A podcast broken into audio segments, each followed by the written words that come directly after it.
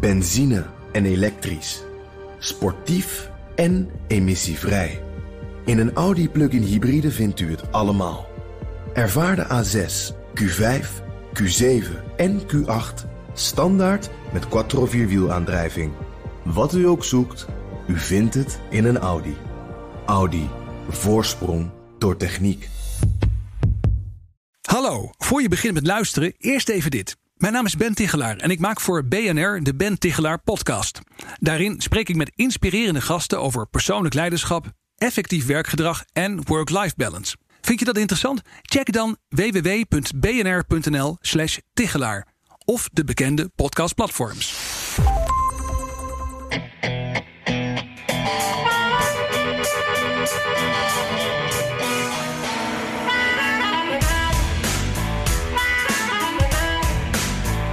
Een maand geleden vergeleek president Trump het nog met de griep en zei dat het vanzelf weer weg zou gaan. Nu zegt hij: als we het onder de 100.000 doden houden, dan hebben we eigenlijk prima werk geleverd. Wat vinden de Amerikanen van die draai? Dit is de 23e editie van de Amerika-podcast. Mijn favoriete moment van de week. Mijn naam is Jan Posma en ik zit aan de keukentafel. Natuurlijk thuis, want uh, dat moet hier in Washington ook gewoon.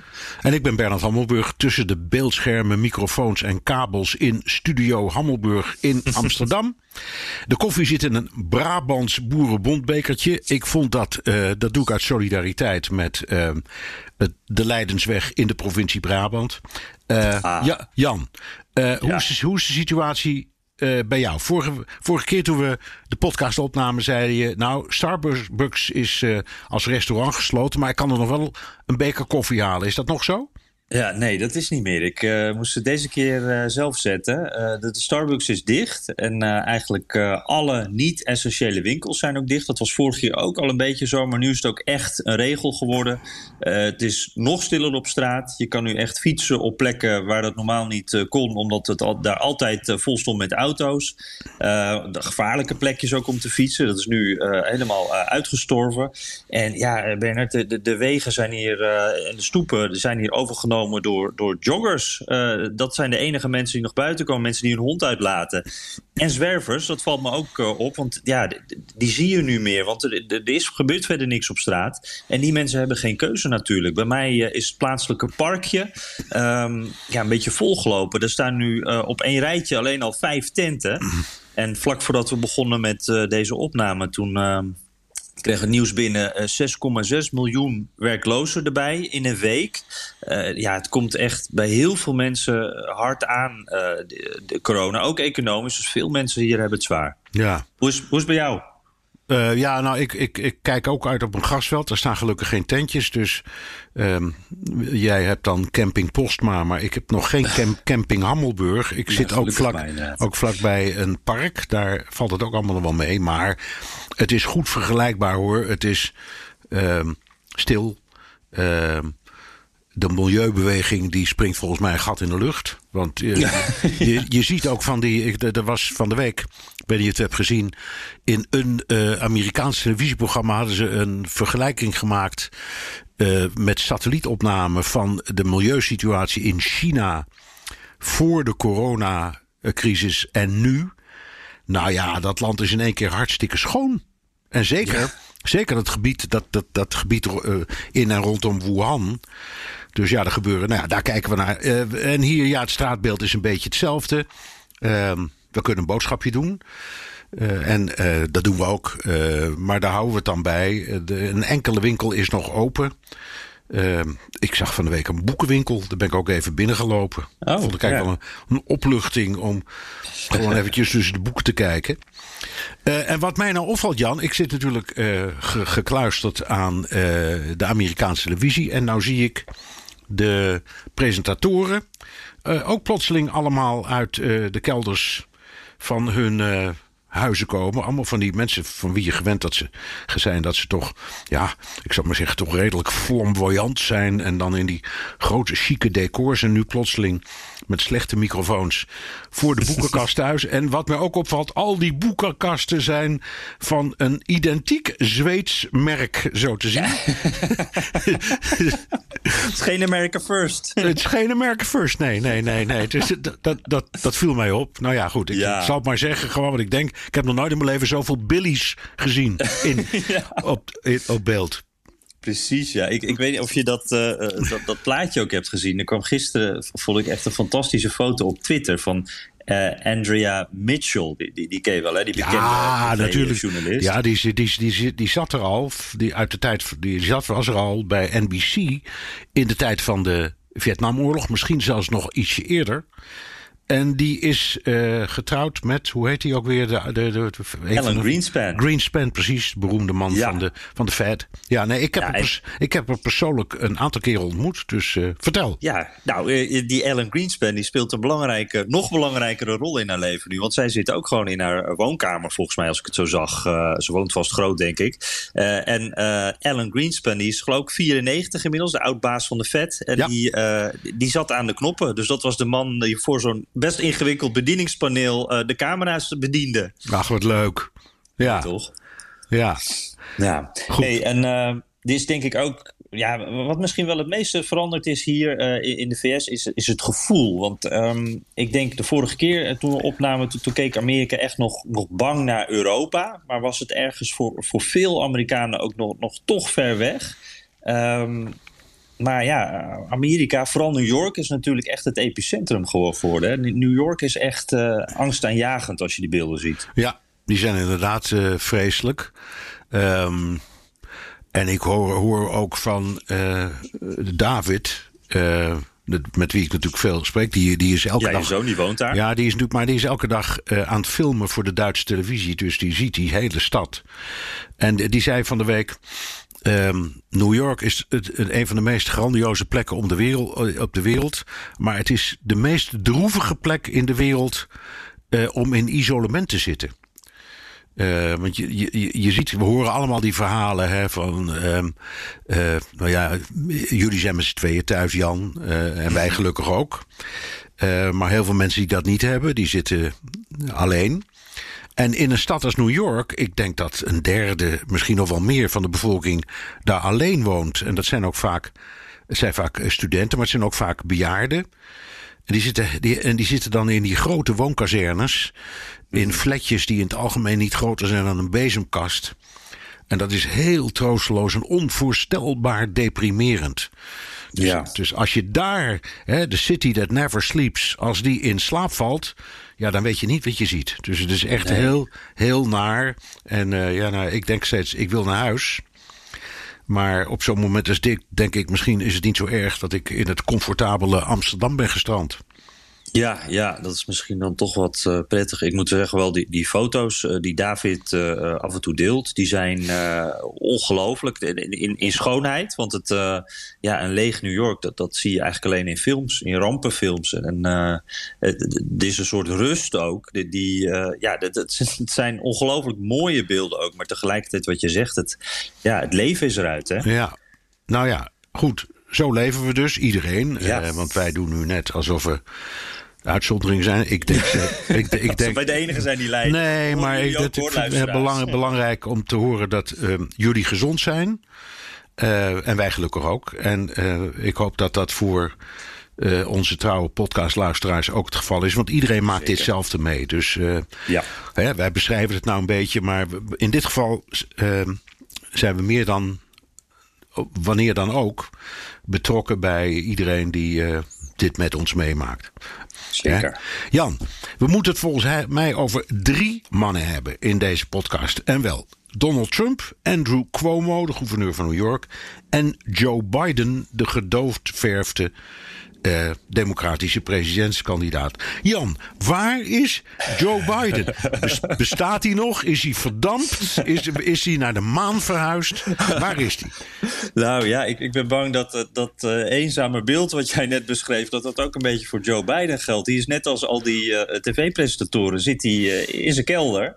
Uh, hij, hij, hij is eigenlijk alleen online nog. Hij is niet verdampt, maar, maar alleen online zien we hem nog. Hij doet nog wel interviews. Hij maakt ook video's. En hij doet ook zijn best trouwens. Maar ja, uh, hij is iemand die het vooral goed doet, natuurlijk één op één. Als hij met mensen kan praten, menselijk contact, dat, is er allemaal nu niet meer. Dus hij zit daar nu in zijn kelder. Ja, vertelt dan af en toe weer eventjes, als hij geïnterviewd wordt, dat hij het echt anders doet, zo Trump dan Trump. Maar ja, hij is ook niet relevant op dit moment. Want uh, nou ja, een maandje geleden was de campagne het belangrijkste verhaal van Amerika.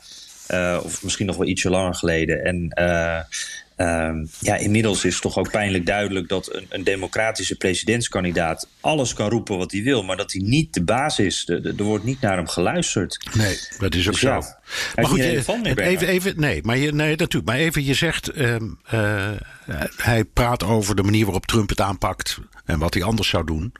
Wat zou hij eigenlijk anders doen? Nou ja, hij, hij noemt steeds. Uh, hij is eigenlijk vooral kritisch. Hè? Dus de boodschap is eigenlijk. Hij is echt oppositie aan het voeren. Dus hij is vooral aan het vertellen dat zoals Trump het nu doet, had hij het echt niet gedaan. Uh, hij had wel gezorgd dat uh, er genoeg mondkapjes waren geweest. hij had veel eerder gereageerd, zegt hij. Um, dus dat is eigenlijk het belangrijkste, zonder dat hij heel specifiek wordt over hoe hij dit dan anders aan zou pakken. En ja, dat is eigenlijk ook niet echt nodig op dit moment, want het gebeurt toch niet. Maar um, hij had wel uh, of nou gisteren of eergisteren was, toen uh, uh, zei iemand uit het Witte Huis, volgens mij was het Kelly en Conway, van nou ja, als je ideeën hebt, laat ze maar komen, bel ons dan maar. Ik zorg wel dat je door wordt gezet naar de, de Oval Office. En ja, beide gaf aan dat hij daarvoor open stond, maar ik heb nog niet gehoord of er al gebeld is. Nee, en ik vind dat een hele leuke. En ja, dat is weer echt Conway. Dat is, die vrouw is toch af en toe briljant, laten we eerlijk wezen. ja, gemeen, maar briljant. Ja, maar het is een hele goede stratege. Hè? Um, maar Um, het, hij zegt dus, ja, ik zou het heel anders hebben aangepakt, eerder hebben aangepakt. Toen de campagne nog liep, tot, tot drie, vier weken geleden, ik heb hem niet gehoord hoor. Ik heb niet van Joe Biden gehoord. Dames en heren, er dreigt een coronacrisis. Ik waarschuw dit land dat we dat en dat moeten doen. En nu het eenmaal zover is, kan hij zeggen: Ja, ik zou eerder hebben gepiept en het anders hebben aangepakt. Maar ik heb hem niet gehoord. Jij wel? Nee, precies. Ik, ik zag wel een berichtje voorbij komen dat hij ergens een keer heeft gewaarschuwd. Ik, ik weet even niet meer wanneer dat was en hoe vroeg of hoe laat hij daarmee was. Maar een beetje aan het begin van de crisis, in ieder geval hier in de VS. En dat hij wel waarschuwde dat Trump echt niet de geschikte president was voor ja, zo'n crisis. Maar ehm, ja, eh, in een eerder stadium eh, moet ik zeggen, eh, niemand hier in de VS zat er heel erg op. Er werd wel gewaarschuwd, maar ja, dat, dat blijkt wel dat, dat we nu op allerlei plekken gouverneurs ook niet hier heel erg mee bezig waren. Nee. Uh, wat je kan zeggen is dat Donald Trump natuurlijk wel als president heel andere informatie had dan een Joe Biden. Biden die moet het ook allemaal maar uit het nieuws vernemen. Um, ja. En uh, Trump die heeft natuurlijk uh, zijn speciale kanalen. Zeker. En er zijn allerlei verhalen over de CIA... die al in een heel vroeg stadium heeft gewaarschuwd... Uh, dat er, een, iets, dreigt, dat er een, iets dreigt mis te gaan. Maar goed, mhm. Jesse Pinster vertelde in BNR De Wereld... een prachtig verhaal over de Europese Unie waarvan uh, die, die, uh, die heeft uitgezocht van hoe het daar nou is gegaan. En daar blijkt dat vrijwel alle lidstaten ook tot veel te laat zijn blijven roepen: Oh, er is niet zoveel, niet zoveel aan de hand. En wij, dat mhm. regelen we allemaal wel. We hebben het goed in de hand. Dus, uh, nou ja, wat, ja. Dat, wat dat betreft, ja. Oké, okay, um, ehm, even, uh, wat is altijd belangrijk, toch? En zeker iets wat onze Jan Postma altijd precies volgt. Hoe staat het met Joe Biden in de peilingen? Ja, ja, ja. Ik, ik, moet ook eerlijk zeggen trouwens dat zelfs dat, ik volg dat altijd maar tijdens corona, dat zelfs dat eventjes, dat ik even moest kijken voor, voordat we eh, gingen opnemen. Ja, maar je wist dat ik het zou vragen. ja, dat wel, ja. ja. ja, ja nee, zeker. Ja, ik, ik heb maar even voor, voor het gemak naar de landelijke peilingen gekeken. Gewoon om een beetje een algemeen beeld te krijgen. En dan dat gemiddelde van peilingen, wat we altijd bekijken, hè, van Real Clear. Of nou, deze keer van 538 trouwens. Ja, ja. Uh, ook zo'n goede website. Maar in ieder geval... Dat, dat, is zo, dat, dat zijn van die pijlers die mixen al die peilingen door elkaar en komen dan met een gemiddelde. ja. Precies, dus dit is natuurlijk niet per, per staat. Dus, dus het zegt niks over uh, de, de, kiesmannen en zo, maar gewoon even voor het beeld. En dan zie je dat Trump uh, wel iets, of uh, sorry, Biden iets in de lift zit. dat Biden heeft nu iets van 6% voorsprong daar op Trump. Dus nou ja, en hij stijgt een klein beetje, maar dat zijn hele kleine stapjes en het verschil is klein. En ja, ik, moet ook zeggen, op dit moment er gebeurt zoveel. En ik denk ook wat er de komende weken en maanden gaat gebeuren. Ik weet niet hoe jij daar tegenaan kijkt, Bernard. Maar ja, de, momentopname voor nu, die, die kan met de zomer uh, compleet anders zijn. Allemaal waar. Um, hoewel ik uh, ook onder de collega's bij BNR en ook gewoon in de, in de, zal maar zeggen, in de vriendenkringen zo steeds een beetje campagne voer tegen al die mensen die steeds maar voorspellingen doen. Want als je Mhm. luistert naar de allerbeste experts, dus de virologen, virologen die we echt eh, waarderen en kunnen vertrouwen. En ehm, nou ja, mensen die verstand hebben van eh epidemieën en zo, die zeggen allemaal: we weten er eigenlijk niet zo veel van. Het is een nieuw virus, misschien dit, misschien dat, misschien zus, misschien zo. Dus al dat gespeculeer over hoe lang we dan nog dicht blijven en wanneer we weer open gaan. Ik denk dat, het, ik denk dat het niet zoveel eh, zin heeft. Maar we praten wel over een verkiezingscampagne met een datum. Want er zijn op 3 november verkiezingen. Daaraan voorafgaande zijn er conventies in juli en augustus. Waar de partijen officieel hun kandidaten kiezen. Eh, dus naar alle waarschijnlijkheid Biden en in elk geval Trump. En ja, dan denk je wel, zou dat eigenlijk doorgaan? Ehm, en wat gebeurt er als dat niet doorgaat, weet ik eigenlijk helemaal niet. Jij wel? Nee, nee eh, Biden heeft daar ook over gezegd van nou, nou dat, dat zou wel eens eh, moeilijk kunnen worden. Dus misschien dan in een afgeslankte vorm. Ehm, ik heb begrepen of, of de Republikeinen hebben nog niks gezegd, of die hebben in ieder geval aangegeven dat het nou ja, voorlopig met, de kennis van nu doorgaat. Eh, maar ja, die van de Democraten is juist de belangrijke natuurlijk. Daar, daar moet nog een soort van beslissing worden genomen. Uh, ook al is het maar formeel. En uh, ik heb geen idee. Ik moest deze week kreeg ik een mailtje dat ik uh, weer wat informatie moest invullen om, om, daar aanwezig te kunnen zijn. Dus de voorbereidingen gaan gewoon door. Maar je kan, ja, zonder te willen speculeren, ik kan me op dit moment niet voorstellen dat we in de zomer twee keer in een vol stadion gaan zitten. met, met de kandidaten. Het, nee, het nee, met 30, lijkt me moeilijk. Met, met 20 of 30.000 mensen. Want dat, Ja, is, het, dat ja. is het gauw. Nee, dat kun je inderdaad niet heel snel voorstellen. Zelfs niet met democraten. Nee, nee, nee. Uh, ja, we zijn langzaam al een beetje die kant opgegaan naar, naar uh, de man waar het eigenlijk altijd om draait en nu ook natuurlijk. Uh, Trump. Um, ja, die, die persconferenties, Bernard, daar moeten we het ook eens even over hebben. Ja? Want ja. eigenlijk, hij is de man in de spotlight op dit moment. Zo is het. Ik, ik noem het de Muppet Show. uh, en ik zit dan elke, dat is dan natuurlijk hier uh, zo rond middernacht. Ik zit er dan elke avond laat, s morgens vroeg, met verbazing naar te kijken. Ja. Uh, wat maakt het de Muppet Show? Nou, uh, die, hij ziet, die, hoe heette die ook weer? Die, die, die boze mannen die over dat balkonnetje hingen. Waldler. Juist. En Stettler of Ja, Stettler precies. Waldler, Nou, ja, daar, ja. Doet, daar doet hij me aan, aan uh, denken. Zelf. Ja. zelf. Ja. Uh, vooral als hij uitvalt tegen de media. Of roept dat het allemaal onzin is. Of dat hij hoogstpersoonlijk garant staat. Dat er morgen een geneesmiddel is. En Ja. noem het allemaal maar op. Uh, dus hij roept daar de, allerlei onzin en doet dat op een hele mopperende manier, zoals hij nou eenmaal heel erg presenteert. En dan heb je uh, die twee artsen, die we allemaal heel hoog uh, hebben, maar die ook heel erg mopperig overkomen en voortdurend alleen maar de waarschuwende vinger heffen. Dus nou ja, dat is dan een beetje, maar ook omdat het zo komisch is in zekere opzicht, want er staat dus de president van de Verenigde Staten. Die hebben wij eerlijk gezegd in die drie jaar dat hij, ruim drie jaar dat hij president is, zelden of misschien zelfs nooit in, Mhm. de, in de perszaal van het Witte Huis gezien. En uh, die wilde ook helemaal geen persconferenties geven, alleen maar onder de draaiende rotor van een helikopter. Dan kun je dan drie vragen naar hem schreeuwen. Of als hij ergens aankomt en vertrekt. Of onder een paraplu staat ergens op afstand. Maar op deze manier, eh, soms meer dan twee uur lang in de perszaal. En nu ook een paar keer in de rozentuin. Maar goed, dat doet er niet zoveel toe. Maar dat hij dan met journalisten en uh, een team om zich heen een persconferentie geeft. Dat, dat hadden we niet eerder gezien. Dus dat, nee. dat valt zeer op. En dan, ja, die, die, die wonderlijke. De, het wonder, de inhoud. De inhoud die echt. Je weet niet wat je hoort. Eerst president met al die superlatieven en alles is tremendous en alles is great en alles is spectacular en the greatest. En dan komen er allerlei dingen die niet kloppen. Een geneesmiddel dat er aankomt. Uh, de verzekering dat uh, elke staat zo ongeveer wordt verdronken in de apparatuur die ze nodig hebben. Uh, nou ja, allemaal, ik zou maar zeggen dingetjes die niet helemaal kloppen. En dan komen daarna uh, de deskundigen aan het woord en die zijn glashelder. Dus die, die, die twee artsen die dan het woord voeren, die zijn heel helder. En vooral die uh, meneer Fauci, dokter Fauci, ja. hebben we het al eerder over gehad.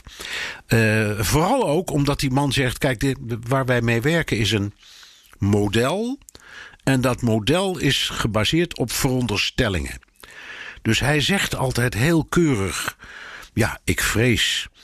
Uh, dat het op zijn minst 100.000 doden kunnen zijn, maar misschien wel meer. Uh, als we niks doen, denk ik dat het uh, 2,2 miljoen zijn. Mm -hmm. Maar het is een model gebaseerd op veronderstellingen. Dus hij laat zien dat we praten over wiskundige modellen en niet uh, over medische modellen of zelfs biologische modellen. Weet het gewoon niet. Mm -hmm. En dan dat de manier waarop Trump dat dan oppakt. En zegt nou ja, als we die maatregelen niet nemen, dan waren er meer dan 2 miljoen uh, mensen misschien uh, omgekomen. Dus ik ben de redder van 2 miljoen Amerikanen. Ja. En de manier waarop hij dat flikt, dan denk ik, jongen, dat is toch weer. Waar in de wereld zie je dit gebeuren? Ja. Duizelingwekkend is dat. Ja. Hij gaat, dit is de, de verkoper weer, hè, die uh, eigenlijk gaat van uh, uh, we verliezen 100.000 mensen naar, nou eigenlijk hebben we de 2,2 miljoen gewonnen. En het is allemaal dankzij mij. Ja. terwijl 100.000 doden natuurlijk al een ongelooflijk aantal is. helemaal, ja, we zijn deze week voorbij het aantal slachtoffers van 9-11 gegaan. Ehm, het is geloof ik ongeveer twee keer zoveel als Vietnam. Uh, dat zijn nationale trauma's. Uh, dit, dit, dit, is een nieuw nationaal trauma. En, en Trump die, die draait dat op duizelingwekkende wijze naar. Uh, ja. Het nou, gaat eigenlijk heel erg goed. Nou, gelukkig, Vietnam duurt nog even. Er waren 58.000 dode Amerikanen.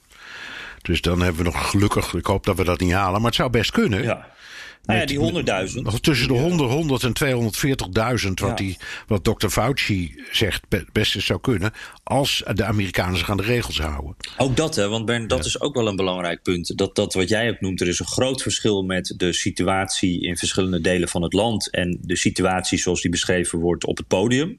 Uh, en, en inderdaad, dokter Fauci en, en Burks, uh, die dame die uh, ook in de taskforce zit, ook heel deskundig. Die, die zeggen allebei. Um, dit zijn realistische aantallen. Maar die gaan er wel vanuit dat Amerikanen ook uh, hun best doen uh, afstand te houden, om thuis te blijven. En wat je nu ziet is dat er in verschillende staten nog niet dat soort maatregelen zijn. Uh, we hebben net in Florida dan een omslag gehad dat een gouverneur, een republikeinse gouverneur, toch ja, staatwijde maatregelen heeft genomen. Ja, maar die is, maar, die is echt knarsetandend door de knieën gegaan. Hè?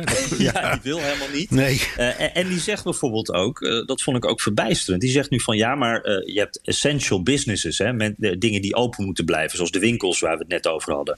En deze gouverneur zegt nu: ja, maar kerken, gebedshuizen, synagoges, dat zijn essential businesses. Dus wat je nu krijgt is dat uh, door de week mensen afstand gaan proberen te houden, hopelijk. En dat in het weekend de kerken gewoon open gaan. En dat soort uh, ja, vreselijke situaties, want dat is natuurlijk echt slecht nieuws. Ja, dan, zijn doe je, er dan doe je het allemaal voor niks. Hè? Als je dat soort ja. dingen toelaat, dan kun je de rest ook wel laten. Ja, en, en ik weet natuurlijk niet in, in, op wat voor manier dat soort dingen zijn meegenomen in de scenario's die, die de dokters uh, op het podium noemen. Dus uh, dit, dit, kan best meegenomen zijn. Maar je wordt er niet uh, optimistischer van, zal ik maar zeggen. Nee. Um, nou, wat, wat, doet het met. Uh, want we, we begonnen met uh, Biden en we zijn nu bij uh, Trump. Ja. ja. Wat, doet het eigenlijk, wat doet het eigenlijk al? Want hij heeft natuurlijk een prachtig podium gecreëerd voor zichzelf met die dagelijkse persconferenties. Ja, kijken veel mensen naar. Kijken veel mensen. Vertel, wat, wat is het gevolg? Hoe zie je het in de cijfers? Um, hoe, hoeveel mensen kijken naar die dingen? Wat doet het met zijn populariteit? Ja, nou sowieso, er wordt goed naar gekeken. We hebben het er natuurlijk ook in de wereld. Hè. Jouw programma, wat ook als podcast te downloaden is, hebben we het er ook over gehad. Dat er maandag zelfs 12 miljoen mensen naar keken. En, en nou ja, als je dat dan vergelijkt, uh, Monday Night Football, dat is echt het populairste sportprogramma hier. Een beetje zoals de samenvattingen van de Eredivisie in Nederland. Als dat allemaal doorgaat. Um, Normaal gesproken dus. Uh, daar kijken 12 miljoen mensen ook naar. Dus het, het, het, uh, ja, het is echt gewoon een, populair programma. Het is een kijkcijferhit geworden. En dat is wel opvallend, want het is midden op de dag. aan de andere kant zitten veel mensen thuis natuurlijk. Maar hij bereikt echt heel veel mensen daarmee. En ehm, ja, als je kijkt naar hoe zijn, ja, zijn leiderschap wordt gewaardeerd... dan zie je daar een lichte stijging in. interessant, want nou ja, we horen toch veel dingen die niet goed gaan. Uh, maar ik denk dat je dat ook kan verklaren. Uh, in tijden van crisis uh, zijn presidenten vaak wat populairder. Hè? Dat, dat, rally around the flag principe. Dat zag je ook bijvoorbeeld bij de laatste Bush met 11 september. Um, maar ik, ik zie er ook wel een verschilletje in. Want toen met Bush was dat effect gigantisch. Die was echt ongekend populair. En bij Trump zie je maar een klein stijgingje. Ik, het is wel een record voor Trump. Uh, ik heb eventjes weer naar 538 eh, gekeken. Um, die pakken dan alle approval ratings bij elkaar en die laten daar een rekenmodel op los. En zij zien dan gemiddeld uh, dat bijna 46% van de Amerikanen positief is en 50% negatief. En dat is echt een record, dat is het hoogste tot nu toe. Maar je ziet dus ook nog steeds die verdeeldheid, die is er ook wel. En ja, Bernard, ik weet ook niet ja, hoe lang deze situatie blijft, ja, dat hangt er heel erg vanaf hoe uh, het coronavirus ook om zich heen grijpt. Ja, en ehm, de periode daarna, hè, want van dat virus weten we één ding heel zeker: het houdt op. We weten alleen mhm. niet wanneer en hoe erg het dan is geweest. Maar dat het stopt, weten we allemaal zeker. En wat we ook zeker weten, is dat de wereld dan een, door een diep dal moet om uh, de, de economische ellende die dit allemaal veroorzaakt weer op te vegen en uh, weer door te gaan. Hè? In die mhm. zin is het gewoon een, eh, een behoorlijk grote crisis. En ook dan uh, moet je kijken hoe het uitpakt. Want geeft hij daar leiding aan? Ehm, laat hij zien dat hij dat op zijn schouders neemt? Blijft hij met maatregelen komen zoals hij nu heeft gedaan? Blijft hij met biljoenen strooien? Mm komt die, ieder, blijft hij iedereen tegemoet komen? Of, dat kan ook, als het allemaal ruim voor de verkiezingen voorbij is, vallen we dan weer gewoon terug op uh, de redenering: it's the economy stupid. En wordt hij dus gewoon afgeserveerd, want de economie gaat slecht. Of zegt de kiezer: ja, maar uh, die, die, die, die meneer Biden, die zien we dat ook niet in 1, 2, 3 fixen. Dus ja, dit, kun je, mm dit kun je Trump ook allemaal niet kwalijk nemen. Dus ik weet het gewoon niet.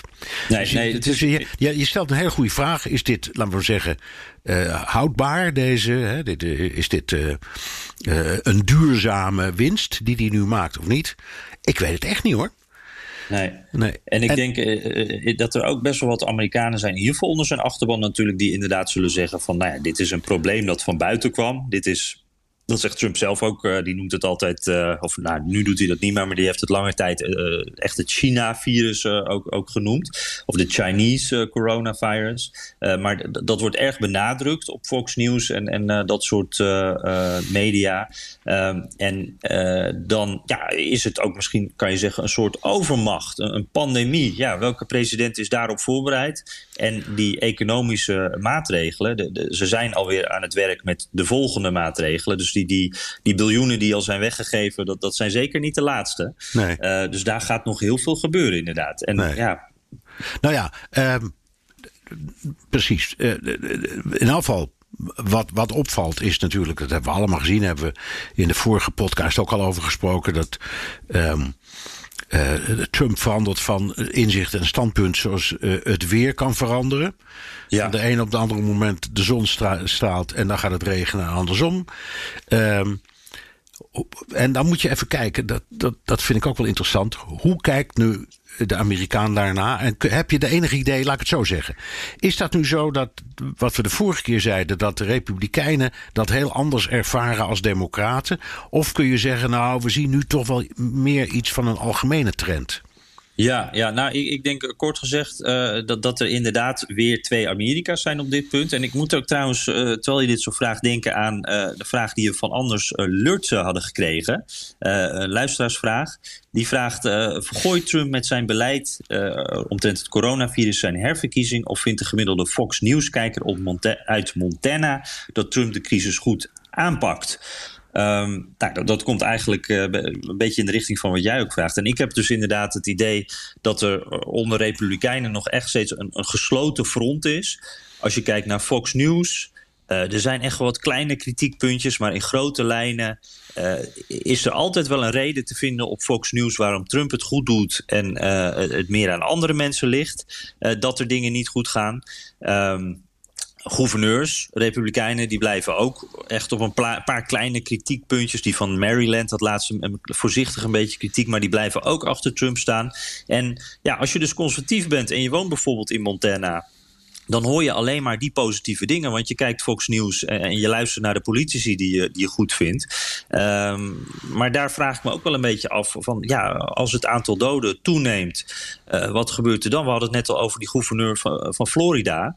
Um, ja, uh, niemand weet wat daar gaat gebeuren. Maar uh, er zijn aanwijzingen dat het in Florida ook om zich heen uh, aan het gaan is, het coronavirus. Ja, dan komt er wel een moment dat ook die mensen op het platteland, zeg maar even, want daar zitten veel Fox-kijkers en Trump-stemmers, dat die ook gaan merken dat er iets aan de hand is. En, en ja, ik weet niet wat er dan gebeurt. Nee, en, en, en het verlengde daarvan. je kunt zeggen mensen die op het platteland wonen, die kijken om zich heen in de eerste plaats. En die denken, nou ja, ik zie eigenlijk niks. Dat valt bij ons reuze mee. Mm -hmm. En ik weet drie dorpen verderop iemand die een beetje ziek is geweest. En verder weet ik eigenlijk niks van. Maar als het uh, verder doorslaat en dan moeten grote bedrijven gaan sluiten, dan zijn dat dan die mensen in Montana, die, moet, die werken ook ergens. En, ja. als, en als ze hun baan verliezen omdat hun baas het bedrijf tijdelijk moet sluiten, of misschien voorgoed, ja, dan ligt het toch weer anders, toch? Precies, ja zeker, want dan ga je het in je dagelijks leven merken. En, maar ik denk ook wat betreft het, het, het coronavirus, dat is ook iets daarvoor kijk je ook om je heen. En wat me heel erg opvalt uit de, de contacten de, met het, zuiden, zeg maar, met, die, gebieden waar het dus, ja, waar ook veel minder aan social distancing wordt gedaan. Um, is dat mensen ook daar zeggen: ja, ik, ik, zie het letterlijk niet om me heen. Dat, dat coronavirus is abstract eigenlijk, zolang je er niks persoonlijk van merkt. En ik heb het gevoel dat dat eigenlijk wel vergelijkbaar is, een beetje met wat er in Nederland en ook breder in Amerika gebeurt. Op het moment dat het in China uh, was, we zagen het, we namen het voor kennisgeving aan, maar het was ook ver weg. En ik denk dat als uh, de gemiddelde Fox-kijker in uh, Montana uh, kijkt naar wat er in New York gebeurt, dat is voor diegene nog ver weg. Nee. En dat is misschien ook wel een beetje hoe we in Nederland een tijdje naar ja. Italië hebben. Nou, Italië komt dichterbij, maar ja, het was nog steeds ver weg. Was ver weg. Totdat je je baan verliest. Ik, bedoel, ik blijf ja. zeggen, hè, er waren, ik geloof deze week weer hoeveel? 6 miljoen ja. nieuwe werklozen die zich hebben gemeld. In nou, een week, is, ongelooflijk. Oh, binnen een week, ja. Nou, hey, uh, mag ik nog één ding zeggen, Jan? Ja. Ik weet niet of ik je een enorm beledig om je ziel raak. Maar ik wil het even hebben over Mike Pence, de vicepresident. Uh, en die, die vreselijke manier waarop hij daar naast de president staat. Hij is dan officieel de aanvoerder van het crisisteam, hè? Ja. Maar in elke zin zegt hij, geloof ik, 23 keer dat hij de president dankbaar is. En dat, we het allemaal, dat het allemaal zo goed gaat en goed komt door het briljante leiderschap van deze president. En dat iedereen ook naar de aanbevelingen moet luisteren van de president. Zo zegt hij het. Ja. En dan houdt hij zo'n bordje omhoog waarop staat dat je je handen moet wassen en afstand moet houden. Dat zijn, nee, dat zijn niet medische voorschriften. Of zoals wij dat hier doen uh, in Nederland. Dit zijn de voorschriften van de RIVM. Nee, de voorschriften van de president. Een soort messiaanse aanbidding vind ik dat van die man. Zie ik dat? Ja. Mag ik dat zeggen? Ja, mag ik dat zo zeggen? Jazeker. ja, nee, dat klopt. Het, het is, uh, ja, ik, ik, uh, ja, het doet me af en toe. Uh, dit zijn een beetje Noord-Koreaanse uitspraken af en toe van die man. Het is allemaal de grote leider. Ja. ja, het is zijn rol ook, hè? Het is aangeven. Dat weet ik, maar ze doen het allemaal een beetje hoor. Want ja. die, die, die, die twee artsen, Burks en, en Fauci, die, die we toch allemaal uh, waarderen om hun uh, mm-hmm. duidelijke vakken. Ja, die hebben het ook steeds over de, de president's recommendations en de, de president's plan en de president's uh, recommend. Nou, goed, enzovoort. Allemaal. Zal ik je sterker vertellen, Bernard? Ja. Wij hadden hier afgelopen week zat een, een, een, een velletje in de krant. Uh, met aan, aanwijzingen over handenwas en dat soort dingen. En daarop stond ook uh, niet RIVM of, of uh, wat het ook is hier. Daar stond President Trump's recommendations. Dus het staat ook op de officiële folders. Ja. Ja, die, waar Mike Pence misschien ook wat mee te maken heeft ja, als hoofd van kunnen. de afdeling. Ja. ja. Hey, en, en um, ja, even kijken. Waar, waar moeten. Ik, ik ben even de, de draad kwijt. Nou, dat, hebben we nog goed. we hebben. we kunnen even praten over. wat ook elke dag een thema is, wat we steeds meer terugzien. Dat is die loopgravenoorlog tussen Donald Trump en de gouverneurs. Ah, ja. Dus je, je, ziet dus Trump op dat podium staan en zeggen, en, en, al, en, en Pence en al die andere mensen. We hebben weer, weer voor 8 miljoen mondkapjes gezorgd. En voor 3 triljoen beademingsmachines. Dus het gaat geweldig. En twee tellen later springt er een gouverneur in beeld. En die zegt: Ze liggen hier zo langzamerhand op stapels, de lijken. Uh, want we hebben helemaal niks. Ja. Uh, dat vind ik ook wel een heel apart verhaal. Want hoe komt dat nou? Wat is hier nou aan de hand? Ja, ja nee, ik, ik heb dat precies hetzelfde. En, en daardoor duizelen die persconferenties van, van Trump mij ook af en toe. Omdat de, de tegenstelling zo enorm groot is. En het is ook wel een interessante strijd. En het is, het is natuurlijk altijd frictie hè, tussen de staten en de federale overheid. Daar hebben ze ook wel eens eh, een grotere ruzie over gehad. Eh, het gaat om de macht. Wie is nou echt de baas? En, en ja, Trump die, die zegt dus. Uh, Trump kan bijvoorbeeld zeggen: Ik gooi het land weer open. Wat hij eerder zei. Met Pasen, dan, dan gaan we alle bedrijven weer opengooien. Of dat, dat wil ik in ieder geval. Maar je ziet dan toch dat hij, uh, als hij dat had gedaan, dan waren de gouverneurs geweest die, die zeggen: van ja, dat doe ik niet. Uh, dan gaat het land dus niet overal open. Dus de macht van de president is ook beperkt op dat punt. Ja, dus en, je, je, kunt, je kunt dus zeggen dat het is een beetje zoals in Europa uh, waar de, de, de, lidstaten soeverein zijn. Dat is, dat is in Amerika dus ook het geval. Dus als, als, als de gouverneur van uh, Maryland, waar je het net over had, uh, zegt: Ja, ik hou toch nog even de haven van Annapolis dicht. Ondanks wat de president roept. Ja, dan is, dan is Trump dus machteloos. Ja, ja precies. En, en, maar dat werkt ook wel ergens twee kanten op. En, en daar wordt het wel, uh, wel interessant. Want over die mondkapjes bijvoorbeeld. Hè. Trump die vindt dat uh, de, de, federale overheid daarin een beperkte rol moet hebben. Hè. Uh, als, als ja, de federale, overheid moet de, de grenzen bewaken. moet, moet bepaalde andere dingen regelen. Maar, maar dit is echt iets voor de staten, zegt Trump. Um, dus regel het zelf maar. En die gouverneurs die zeggen ja, maar we kunnen het nu niet meer aan. Uh, wij hebben overal tekorten en wij kunnen niet aan nieuw spul uh, komen. Dus wij vragen nu om, jouw hulp als president. En bovendien, uh, ja, die, gouverneurs die zien ook dat het chaos is. Cuomo, daar gaan we het zo nog wel even over hebben, van New York, de gouverneur. Die, die heeft het vergeleken met op eBay zitten. En dat iedereen tegen elkaar opbiedt. En hij zegt dan, het is zelfs zo, we zijn niet alleen als staten tegen elkaar op aan het bieden. Maar ook andere landen, die zijn op dit moment ook aan het bieden. En de federale overheid is ook aan het bieden. Dus dit gaat helemaal niet goed. Dit moet Washington regelen. We hebben coördinatie nodig. En nou heb ik het gevoel, maar ik ben misschien denk ik wat meer vanuit de redelijkheid. Als een gouverneur dat vraagt, nou ja, moet de president dan niet gewoon klaarstaan? Je, bent, je hebt toch ook een, een morele verantwoordelijkheid als president. Maar ja, hoe zie jij dat? Nou, ik, ik, ik, hij heeft het zelf beantwoord. In een van zijn eerste persconferenties in, uh, het, op, op het Witte Huis. Dat is dus, nou ja, uh, laten we zeggen, dat was zo halverwege maart, hè? Toen is hij begonnen met die mm -hmm. de, derde week, geloof ik. Toen was een van de vragen: voelt u zich persoonlijk verantwoordelijk? En toen zei hij nee. Ja, dat klopt, ja. En ja. Ik, dacht, ik dacht, heb ik dat nou goed gehoord? Zegt ja. de president van de Verenigde Staten dat hij zich niet verantwoordelijk voelt voor wat er in dat land gebeurt. Ja. En daarmee beantwoordde hij zelf de vraag ook wel een beetje. Hij vindt in elk geval dat de gouverneurs verantwoordelijk zijn en de burgemeesters. Um, en dat vind ik heel apart, omdat of dat nu staatkundig zo is of niet. Maar je moet in elk geval, denk ik, in die positie ja, ook een beetje doen wat, ik zal maar zeggen, Willem-Alexander uh, ook in het, met het Nederlands volk heeft gedaan. In, in een toespraakje zeggen van we zijn solidair, we houden van elkaar, we moeten elkaar steunen. Wij ook, we staan achter jullie.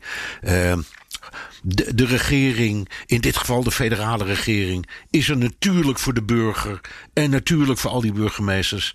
En het gaat even niet over politiek. En dat doet hij niet. Hij blijft het politiseren.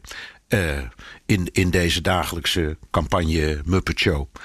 Ja, en ja. hij maakt het ook persoonlijk. Hè? Dat vind ik ja. ook wel heel opvallend. Dat ja. hij dan ruzie maakt, maakt met de gouverneur van, van Michigan, van, van Washington nou. Ja, dan die roept, en, hij, die, roept hij die vrouw uit Michigan. Ja, ja, hij wil haar naam niet noemen. Hij wil de eerste uh, naam noemen, nee. Vreselijk. Nee.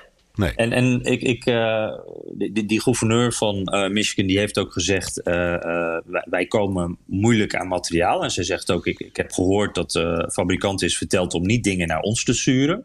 Ehm, en nou wordt er dan gespeculeerd van ja, heeft dat ermee te maken dat die, die uh, uh, ze heet Gretchen Whitmer trouwens, laten wij haar naam dan maar wel Zo is dat, ja.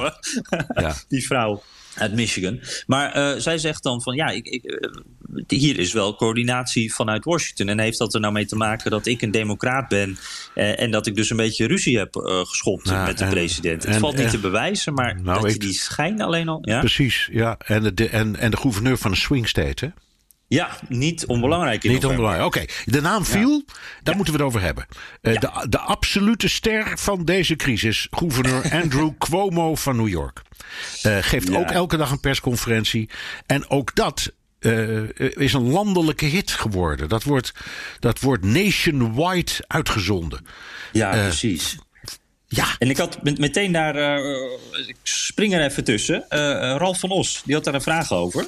Um, ik volg de laatste paar dagen de persconferenties van, persconferenties van Cuomo. Wat een verademing is dat in vergelijking met Trump. Mijn vragen zijn: zijn er tekenen dat hij alsnog voor president gaat runnen? En zou het überhaupt nog een mogelijkheid zijn? Overigens, overigens heeft hij zelf in de laatste uh, persconferentie ontkend mee te willen doen. Uh, met vriendelijk groet, Rolf. Ja. Nou, wat denk jij? Ja, goede vraag. Goeie vraag. Sterker nog, wees eens eerlijk Jan. Als jij zit te kijken naar die man, denk je dan ook niet... Ach, wat jammer. Waarom zitten we te praten over meneer Biden... terwijl die democraten wel degelijk een, een, een, een ster in hun midden hebben? Ja. Um, ja. ja, je moet eerst even uh, gewoon kijken naar wat hij zegt. Hij zegt, dit, dit, hij zegt steeds, dit is helemaal niks met politiek te maken of wat dan ook. Ik, ik heb het over de wanhopige situatie in mijn eigen staat. Ik heb spullen nodig, ik wil mensen redden. Um, maar de manier waarop hij dat doet, de menselijke manier, uh, de duidelijke manier, het taalgebruik. Um, ik, ik, ik heb het idee dat hij alle Warrens en Sandersons en Bidens zo van de kaart uh, veegt, toch? Ja, ja, ik vind echt zo sterk hoe hij. Um, sowieso, hij is heel feitelijk. Uh, als hij slecht nieuws heeft, dan vertelt hij het ook, voor zover wij weten. Dan wint hij er geen doekjes om.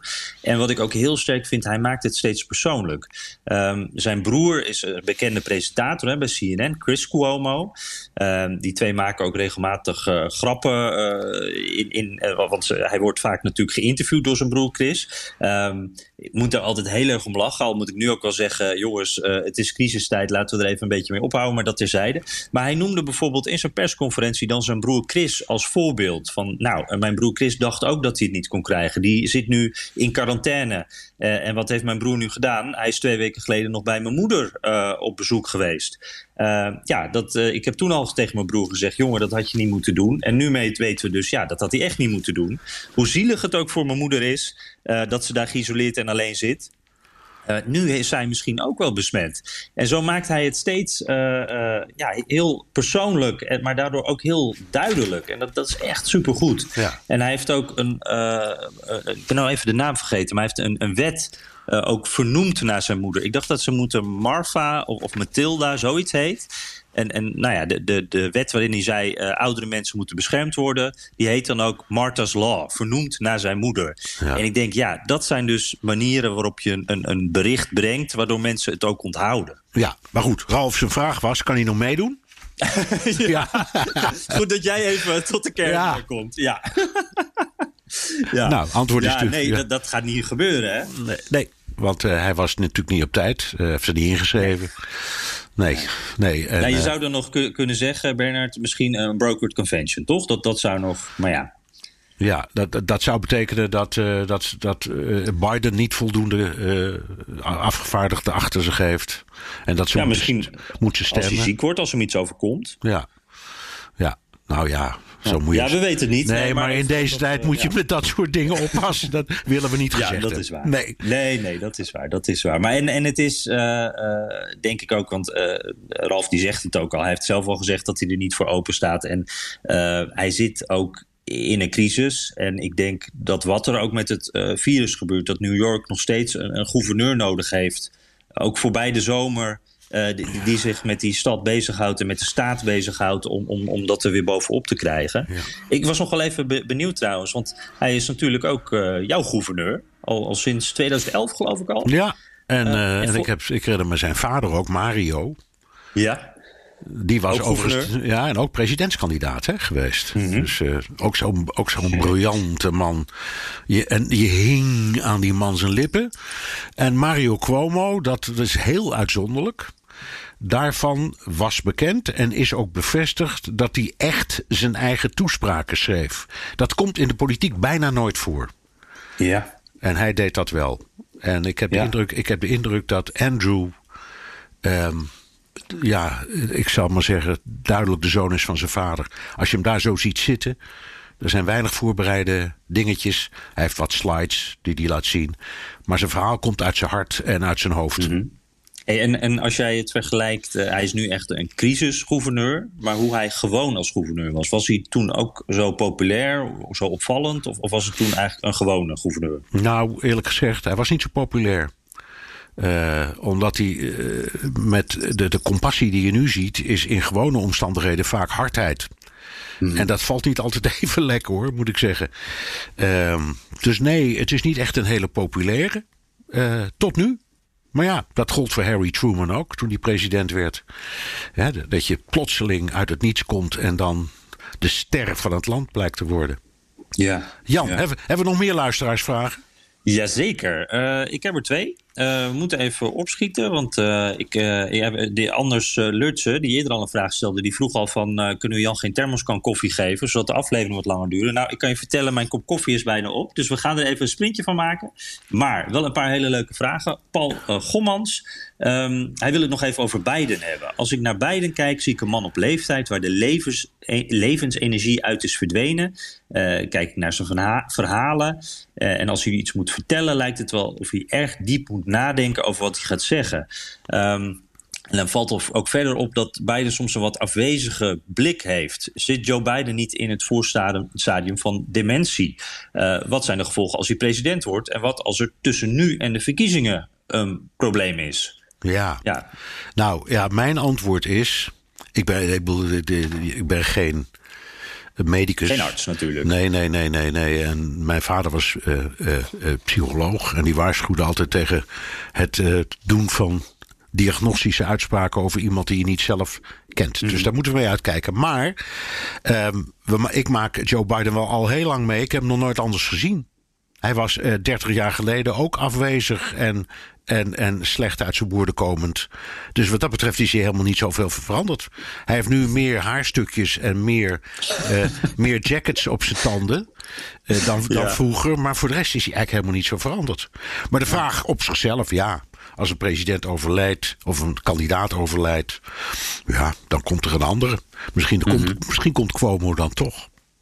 Ja, ja. Ja, ja, inderdaad. Dat zou dan dat, dat andere scenario ook uh, kunnen zijn. Het is trouwens wel echt een, uh, een duidelijke verhaallijn inmiddels uh, bij de Republikeinen. Hè. Daar wordt heel vaak nu worden filmpjes gedeeld waarin nou ja, die, die versprekingen van Biden te zien zijn. Met altijd de vraag daarbij van nou, is deze meneer nog wel geestelijk in orde? Dus het, het wordt wel ja. al een, een, een item in deze verkiezingen. Right, maar hij is nooit anders geweest. Echt niet. Dus wat nee, dat betreft, nou...